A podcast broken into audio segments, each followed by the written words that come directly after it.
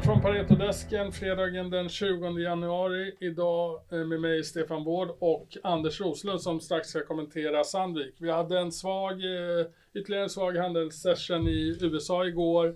Eh, mest noterbara var efter stängning att Netflix eh, kom in med en rapport. Man missade på earnings men slog starkt på subscribertillväxt. Eh, aktien handlades upp i eftermarknaden. Vi får se vad det har för bäring på, på Eh, teknologi och mediebolag idag. Anders, eh, välkommen. Kommentera Sandvik. Ja, eh, Sandvik går in med en solid rapport. Ett par procent bättre på orderingång och försäljning och 3 procent bättre på ebita. Marginalen 20,6 också i linje med förväntningarna. Eh, så att eh, det här måste jag säga, det, det är en bra rapport men inte liksom eh, mycket bättre än förväntningarna. Så att jag förväntar mig en ganska neutral reaktion på den här rapporten. Aktien har ju gått bra inför rapporten.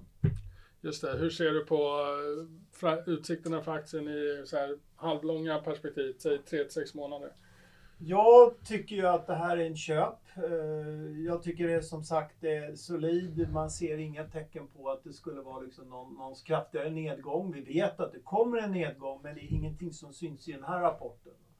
Så att på så sätt tycker jag ändå att det här är i linje med de förväntningar jag har med starka Q4-utfall rakt igenom. Det är väl vad det här visar. Ja, kul. Då kan man fortsätta äga Sandvik. Ja, det kan man göra.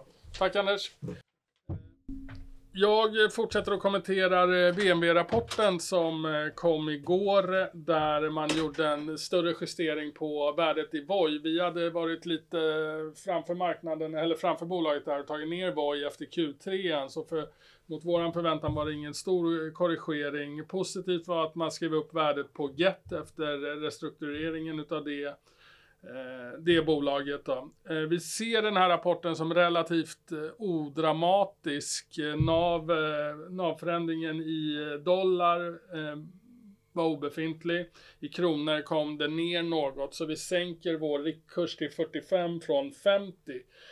Vad vi vill lyfta fram är att BlaBlaCar går som tåget. Det är ett eh, kontracykliskt bolag. Eh, man tjänar på när folk vill, vill spara på kostnader och, och man vill kompensera för höga bränslekostnader för transport och, och resor.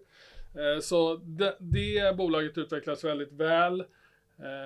Det, det är lönsamt idag på ebitda-nivå och kommer vara det för 2023. Voi tror vi också kommer vara ebitda lönsamt 2023. Och Voi, Get och Blabla kommer vara ebitda-lönsamma under, under kommande år. Och de här bolagen tillsammans står för närmare hälften utav eh, av eh, eh, gross asset value i, i VNB. Så det kommer vara en viss scenförändring till det bättre i portföljen under det här året. Och aktien har ju varit en mardröm under 2022. Nu de senaste månaderna så ser det ut som att det bottnar ur. Eh, när riskaptiten kommer tillbaka och man vill ha lite tillväxtaktier, diversifierade intressanta eh, tillgångar, då kommer VNB vara en, en klart attraktiv aktie. Timingen är svår, men bolaget är i våra ögon eh, drastiskt undervärderat på nuvarande nivå. Så vi behåller en köp. Eh, vi highlightar den här risken som finns då i det korta. Om marknaden är svag så kommer det vara svårt för VNB att, att, prestera särskilt starkt. Men när riskaptiten kommer tillbaka så tror vi att aktien kommer få en väldigt bra utveckling. Det var allt från oss eh, för idag. Eh, trevlig helg så ses vi igen på, hörs igen på måndag. Tack!